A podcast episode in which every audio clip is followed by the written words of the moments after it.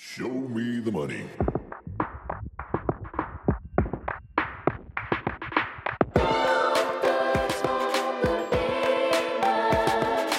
Hallo. Hey. Hallo. Wij zijn vijf dochters van ondernemers. Ik ben Leen, ik kom uit een familie van tuinbouwers. Ik ben Julie, opgegroeid in een schilder- en afwerkingsbedrijf. Ik ben Annelore en mijn ouders die waren ook tuinbouwers. Ik ben Carlien, dochter van een aannemer. En ik ben Marieke, dochter van de beenhouwer. In 2019 maakten wij de theatervoorstelling Dochters van Ondernemers bij Arsenaal Lazarus in Mechelen. En nu is er de podcast. In elke aflevering praten we over één bepaald thema dat te maken heeft met opgroeien in een zelfstandig nest. We hebben daarover onze familie geïnterviewd. En die krijg je te horen. En ook experts ter zake. Ik ben Peter Herman, ik ben historicus en ik ben verbonden aan KADOC KU Leuven. Ik ben Veerle Wullaert van Family Dynamics in Business. Ik ben familietherapeut, zeg maar relatiebouwer, familiebouwer. Die komen ook af en toe eens langs. En de bling, bling, bling. Money, money, money. Dit is de vierde aflevering met de titel... BMW en BTW. Right. Wat zijn de vooroordelen over de kleine zelfstandigen? Waar ligt hun schaamte en waar hun echte trots? We beginnen met een citaat van mijn moeder en mijn nicht. dat is zoiets dat bij mij als kind is blijven hangen. Mensen zien een zelfstandige. Die rijden allemaal met poepchic auto's. Daar is toch wel geld mee te verdienen. hè. Zeg, amai, amai, amai. Maar die mensen weten niet dat die daar dag en nacht voor werken. Ja, want gewoon heb het goed, hè, want jij is dochter van een zelfstandige. Zeg, ja, zeg, maar wij gaan wel niet op vakantie. En mijn vader moet dag en nacht werken. Hè. Dat zien ze niet. Ze zien alleen dat ik word afgezet aan school met een Mercedes. Wie had er hier thuis allemaal een Mercedes? Wij absoluut wel. Serieel. Dus wij hadden meerdere Mercedes. Mercedesi. eh, na elkaar. Wij hadden er ook een in het begin, ja. Hopla. Wij niet, maar dat was ook wel een mooie auto. Ze zeggen er meteen bij, ja, maar dat was een occasie, die is 16 jaar oud. Die, dat, moet er altijd, dat wordt er altijd aangeplakt. Wij absoluut niet. Nee, maar een zelfstandige die een Mercedes koopt, nee, dan is het om zeep. Dan, heb je, eh, ja, dan is het begin van het einde. Dat zegt Dus mij die, die vooroordelen zitten echt gebakken in die hun handelen en denken. hè. Ja, zelfs, zelfs Ja. zo erg dat ze er dus tegen beginnen handelen. Dat is ook... Ja. Want ja, wat gaan de mensen zeggen? Hé, dat is toch wel een beetje, ja, oh ja, ja, ja, maar ja, oh ja. Komt, ook, komt ook vaak naar boven, hè, hoe dicht liggen trots en schaamte bij elkaar. Zo was ik vroeger altijd bang dat ik naar vlees rook. Ah, Eh, een ander vooroordeel is ook wel, ehm, ah, die zelfstandigen die wonen echt in kasten van eh, villa's Ja. ehm, met een zwembad. Eh, was dat zo bij jullie? ja, we hadden inderdaad, we hadden wel echt, daar mocht geen geld uitgegeven worden aan zo chique auto's, maar dat was ook wel gewoon totaal niet de interesse. Allee, dus wij woonden wel echt in een heel chique, allee, in een, in- echt in een kast van een villa die mijn, die mijn vader zelf gebouwd heeft, waar dat, ehm, ja, dat is, het is ook een aannemer, dus die heeft dat ook gebouwd, zo met, ik ga gewoon echt eh, losgaan. Allee, ik bedoel, dat dat ook zijn... Dat is een functie, hè, dat was het. Dat was niet liever in te horen. Hè. Dat was inderdaad een showroom voor een beetje, ik kon niet zeggen te overbluffen, maar voor het heel simpel te laten zien. En dan stond ik er gewoon op mijn naaste sokken met mijn overal aan. hè. Maar dus in dat huis, dat, eh, ja, daar zitten zo dingen in als... eh, ja, er zijn zo heel veel verschillende soorten stenen die dan gebruikt worden. Want dan kunnen, kunnen mensen langskomen en de klanten konden dan komen zien en dan zagen die zo'n soort van ja, stijlkaart van wat je, dan kunnen dan een keer zien hoe dat, dat in het echt eruit ziet als dat toegepast wordt of zo. En dan, dat is echt eens een visitekaartje. De showroom, de Ja. show. De showroom, En was dat zwembad dan ook een visitekaartje? Ja, we hadden natuurlijk een zwembad. En dan is dat het visitekaartje voor zo in de klas. Oh, een zwembad. En ik, maar ah, ik, er is altijd zo'n soort van... Ja, ik schaamde mij toch wel dat dat echt zo'n groot huis was. Of zo. Dat dat echt zo... Ik heb dat nooit echt gevoeld, zo van... eh, of dat ik mij schaamde of zo voor. Ik, ik vond dat wij een mooi huis hadden. We hadden ook wel een mooie grote witte villa. En eh, daarnaast stond het bedrijf en er stond ook wel echt in grote letters op Del Rue. Dus ik kon ook niet eh, zeggen van nee, nee, ik woon daar niet.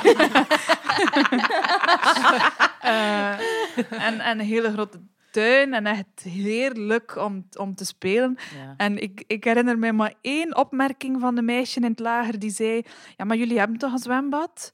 Ik zo, maar hè, waarom denk je dat? Ah, Ja, maar omdat, het- omdat één grote haag is er rond. En dat zijn alleen maar mensen met een zwembad die dat doen.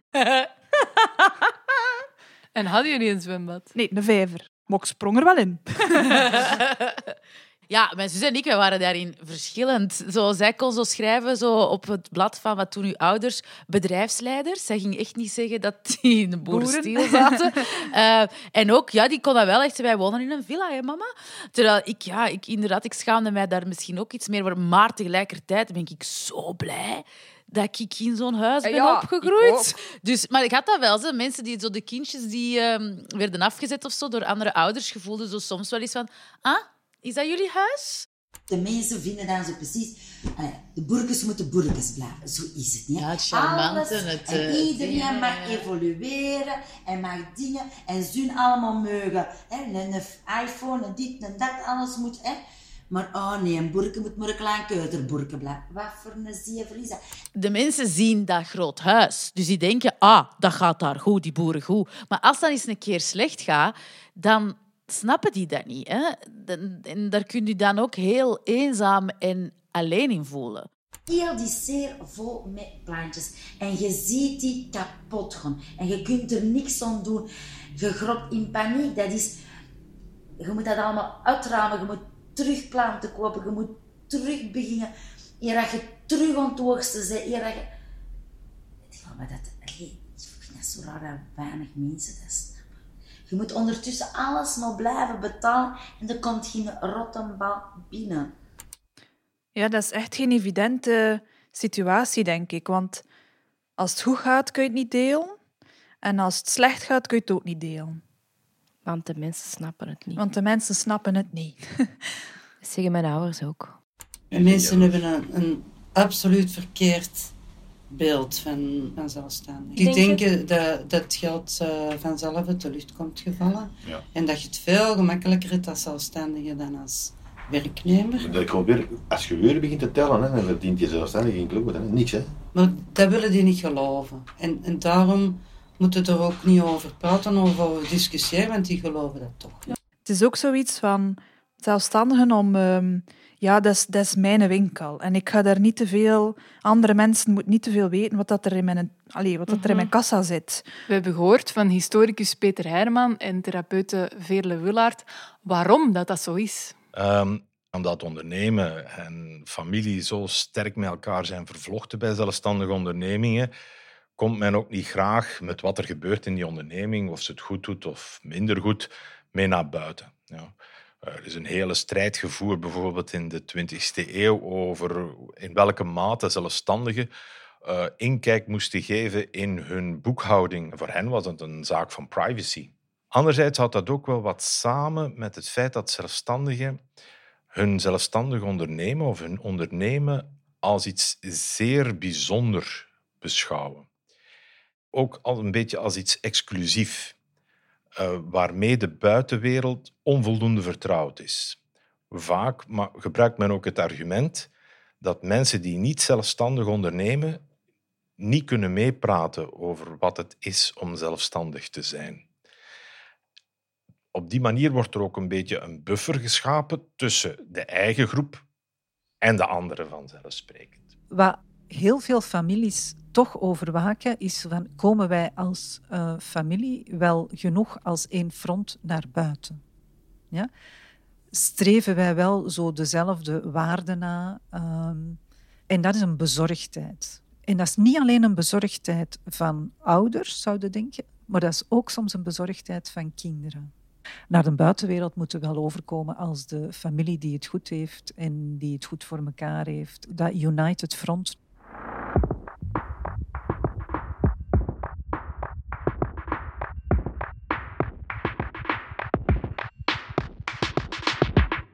Dat is iets van vroeger. ehm, je zit een publieke figuur in je dorp. Of je dat nou wilt of niet. Wij waren zo verweven in dat dorp. En eigenlijk moeten we er zelf maar eens over nadenken. Hoe vaak worden halve info uit een totaal, in een totaal andere context Wel of niet een, een waarheid of wat wordt er Ja. aangebreid. Ja, ja. Dat weet je niet. En dat is dan wel een... En wat tegen de ene zus wordt gezegd, wordt door iemand anders zo geïnterpreteerd. En dan, ja, dan kreeg je die, die, die discrepanties en die, die, die, die ongemakkelijkheden. En dan kreeg je inderdaad... En zo ben ik ook opgevoed, hè. Dat allemaal niet vertellen. Laat dat maar. Dat moeten de mensen allemaal niet weten. Zo herkenbaar. Heel herkenbaar. Dat is toch de zin, de zin van, eh, van onze jeugd, of niet? Ja, gewoon. Zo, het- je mocht toch niet hardop vallen of zo. En je wilt dat ook niet. Maar ik vind dat wel schoon hoe dat, hoe dat uw vader zegt van ja, je bent echt wel een publiek figuur. Eh, s- ik denk zeker als beenhouwer. Ja. Op het kerkplein, ja, dat is wel echt ja, de beenhouwer. Hè. Uiteindelijk passeert daar veel volk dat je kent en dat maakt het ook wel prettig, die kleine gesprekjes, want uiteindelijk denk ik wel allee, dat wij soms zo een, een sociaal bureau waren, zo, allee, om de kassa, hè, zo iets van, van een paar minuten. Ik weet dingen van mensen dat ik denk, ja, waarom moet ik deze weten? Maar ze vertelden het wel. Ja, mijn mama zegt, ze hadden daar... Ja, gevoeld aan veel mensen dat die daar dan toch echt even nood aan hadden. Of zo. Dus soms kan het ook die invulling hebben voor een gemeenschap. Dat de benauwerij niet alleen voor een schelletje nesp, maar ook voor een babbel of voor... Ja, even iets, iets van het hart. Ja, zo, Sociaal bureau. Ja, maar dat is belangrijk. Eh, Mijn mama deed dat ook, maar dan met personeel. Eh zo een keer met, eh met hen praten, een keer polsen of dat alles oké was. Niet alleen binnen het werk, maar ook, ook privé. Ja. Ja, dat is wel een, ik denk dat dat een functie is die dat zij ook wel echt op haar nam. En als je werk geeft, verbinden mensen aan elkaar. Dus Ja. je wilt ook dat die gewoon goed kunnen werken. Zodat, hè, ja, want je wilt die kunnen blijven betalen. Dat is een verantwoordelijkheid die ook ehm, speelt binnen zo'n bedrijf. dan bouwde echt iets op. Allee, die, als de winkel eh, toe, toe was, allee, niet meer van hen was, dan heeft hij daar ook wel... eh, dat was goed, even geen klanten. Maar die zei, ja, je, je, je mist dat wel. Mm, of zo, want je weet heel veel over veel mensen. En dat is niet uit... Dat is echt, echt interesse, dat is oprecht. Eh, klanten waren deel van. Dat was heel belangrijk. En omdat zij gewoon allebei, mijn ouders, heel actief waren in, in de gemeenschap. Maar ze is ook wel de koningin van de smalltalk, dat moet ik zeggen. Maar zij- die kan dat onwaarschijnlijk goed. Men noemt dat dan de sociabiliteit van de kleinhandel of van de ambachten. Zelfstandigen weten dat ze met hun zelfstandige economische activiteit of met hun winkel en met hun bedrijf toch wel een zekere leidende rol opnemen in lokale gemeenschappen. Ze verstrekken daar diensten. Ze zijn vaak ook vertrouwenspersoon. Een winkel was en is ook vandaag vaak nog wel een plaats waar nieuwtjes worden uitgewisseld. Vaak heeft men van achter de toonbank ook een heel goed beeld van wat er allemaal gebeurt in de wijk of in het dorp. De zelfstandigen zijn zich daar ook wel van bewust. Wat dat mij ook opviel, was dat veel van onze vaders ook in de politiek zijn gegaan. Ja. Of nog steeds zijn. Hè? Bij u? Bij mijn, ja, mijn vader, ja. Maar bij u ook, hè? Ja, ja, mijn vader zat ook in de politiek, ehm, zelfs tot in de provincieraad. Ehm, en ja, ik denk wel dat zo politiek en ondernemen, dat dat voor hem wel twee even grote passies waren. Ehm, en op sommige momenten kon hij dat ook perfect combineren. Eh, zoals ehm, bijvoorbeeld bij de opening van eh, de nieuwe winkel, Decorama. Eh, ja, dat moet in de jaren tachtig geweest zijn. En mijn vader zat toen ook in het bestuur van de voetbal. En eh, er werd ehm, een, een Hala-match gespeeld. eh, FC Hulleham tegen de All-Stars. En wie was dat? Dat, waren, ja, dat was een ploeg van ja, BV's, bekende mensen, sportieve helden, waaronder eh Eddie Merckx, eh, Paul van Imst. Eh, ja, maar ja, voor die tijd echt wel Ja. zo helden. Ehm, en mijn vader heeft dat kunnen regelen dat hij naar de opening van de nieuwe winkel kwam. Want hij zei, ja, goh ja, als je dan toch in Hullegem zit, kun je dan niet een keer afkomen. Ehm, en ja, allee, het is van horen zeggen, ik was nog niet geboren, maar ik- mijn broer weet dat wel nog. Dus als gastje van tien jaar of zo, dat hij rondliep op die receptie. En, ehm, en ook dat hij dan eh, naar boven ging. eh, en boven zat, ehm, woonde mijn eh Pippi en Mimi, boven de winkel. En dat de Eddie Merckx daar in de zetel zat. Mijn vader had dat geregeld. Zalig. Mijn vader was ook eh, voorzitter van een voetbalploeg. Ah, die van mij, van een heemkundige kring. Dat brengt ons bij wat ze in, eh, in de Duitse literatuur Vereinsmeierei noemen. En dat is de toch wel opmerkelijke tendens onder zelfstandigen om zich te engageren in het verenigingsleven als bestuursleden, als leden van de kerkfabriek, uh, als voorzitters van uh, sportclubs. Uh, dat merk je ook wel in, in Vlaanderen als je daarnaar gaat kijken. En dat sociaal engagement is waarschijnlijk oprecht, maar we mogen natuurlijk ook niet door de vingers zien dat dat ook wel vaak gelieerd is aan de belangen van een bedrijf natuurlijk. Aan de zichtbaarheid van de onderneming en van de hele familiale cluster uh, die dat uh, bedrijf ondersteunt.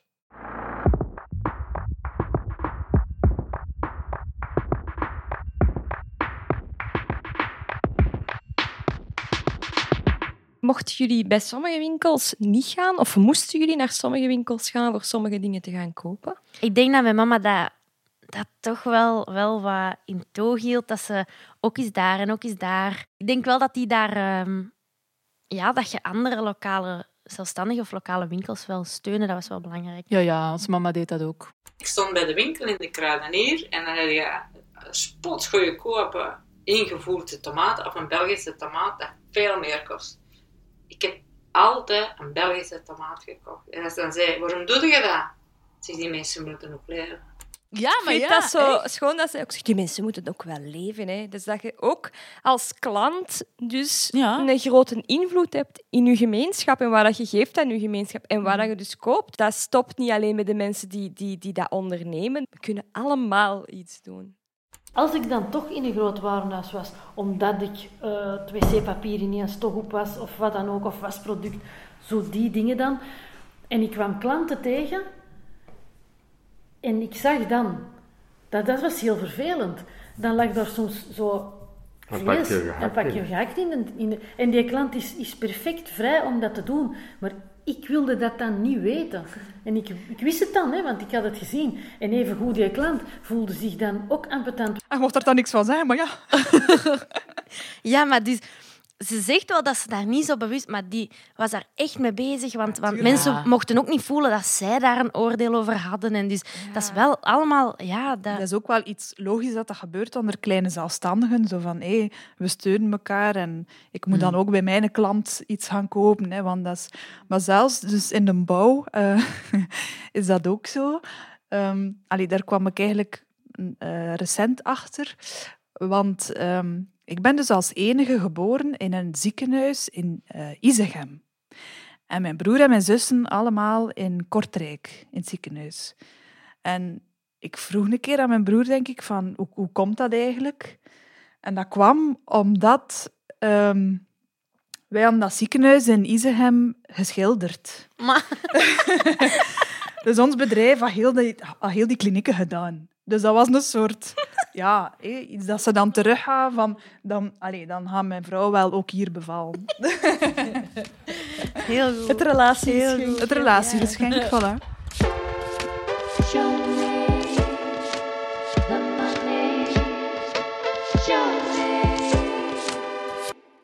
Ik vind het plezant als je in een bouw zit. En ik heb dat vroeger ook met ons vader uit de stad rijden. En dan zei hij, oh die bouw heb ik nog gezien. En die bouw heb ik nog gezien. Dus uw realisaties van jaren, die blijven wel staan. Hè? Mm -hmm. Maar er ook nog in de stad. En, en in elke straat eh, stond er toch wel iets wat dat we hebben gerealiseerd. Ik vind dat een schone trotsheid. Dat je zo, uh, ik, heb, ik heb iets bijgedragen en ik kan zo af en toe, doe ik een keer een toerken en denk mm -hmm. ik, ah ja, en dat, en ah ja, dat. En dat zijn ook herinneringen, want die vertellen vaak in herinneringen en wie, wat voor mensen dat daar dan wonen en heel die verhalen en mhm. al die... Allee, zo, al... Het is ook wel tof dat je dan echt een idee hebt van het werk van je vader. Ja, dat is heel concreet. Hè? Als, u, als uw vader accountant is, ergens in een, in een, mm in een kantoortje. Ook, ook Gewoon niet de zondag ga ik naar mijn cijfers gaan kijken. Ja, want dat is ook bij mij zo. Mijn grootvader, langs een andere kant, die was boekhouder. Mhm. Maar daar heb ik geen enkel idee van. Terwijl mijn grootmoeder was werkt in de tuinbouwsector en dat is zeer concreet voor mij. Dus hoe je als kind ook, ehm, als je opgroeit in zo'n onderneming en ja, je, je ziet dat gewoon, of je komt gewoon in dat bedrijf, dat je een veel concreter beeld krijgt van wat werk is. Ja, ja, ja. Ik vond dat ook altijd heel raar als vriendinnetjes vroeger zo niet konden antwoorden op de vraag ja, wat doen nu ouders voor job? Dat die dat niet echt konden uitleggen. Ah ja, maar ja wij, wij leefden in dat werk van Ja, onze ja. ouders eigenlijk. Wij liepen daar tussen rond. Ja. Ik weet nog dat mijn papa ehm, met de beleggingsclub naar... eh, De wat? Zo'n clubje van vrienden die beleggingen deden. En dat was het de beleggingsclub. En, eh, en die eh, gingen dan eens... maar die gingen elk jaar ook samen op reis. Eigenlijk was dat gewoon een excuus. Alleen was dat ook een vriendengroepje. En ik weet dat mijn vader terugkwam van New York en dat hij zei... Goh, ik heb ons tomaten zien liggen in New York. Ja, omdat je dat kunt dus zien aan, ehm, ja, aan die codes die op de bakjes staan. Hè. Dus je moet stickers, je moet stickeren, de, de, de bakjes stickeren. En die net Amai, die ons tomaten geweest in. New York, daar in een... Glunder, glunder. Wauw. Wij hadden de beste tomaten. Ik ga daar niet op ingaan. Ah ja, dat is. Oh, sorry. De mensen snappen dat toch niet.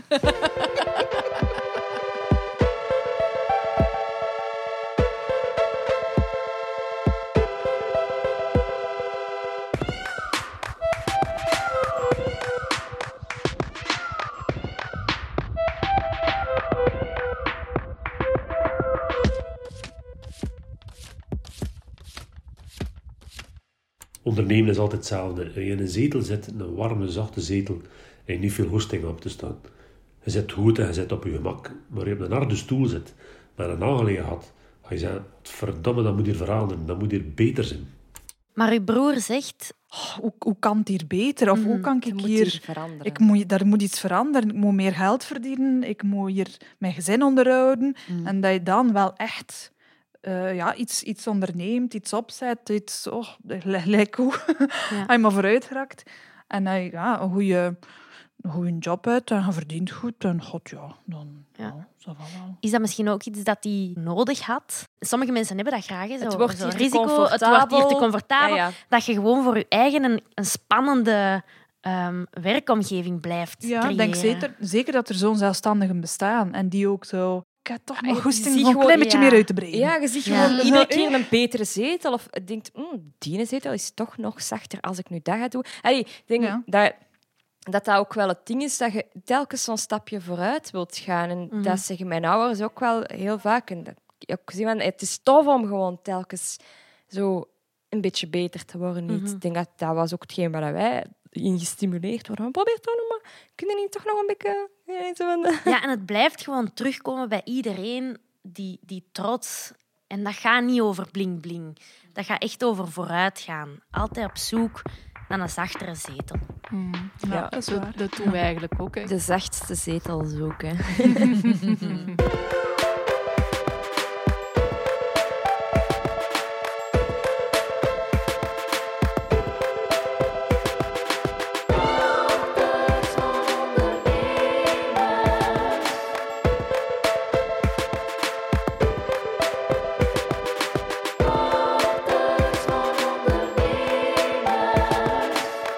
volgende aflevering is al de laatste aflevering van Dochters van Ondernemers en heet Einde.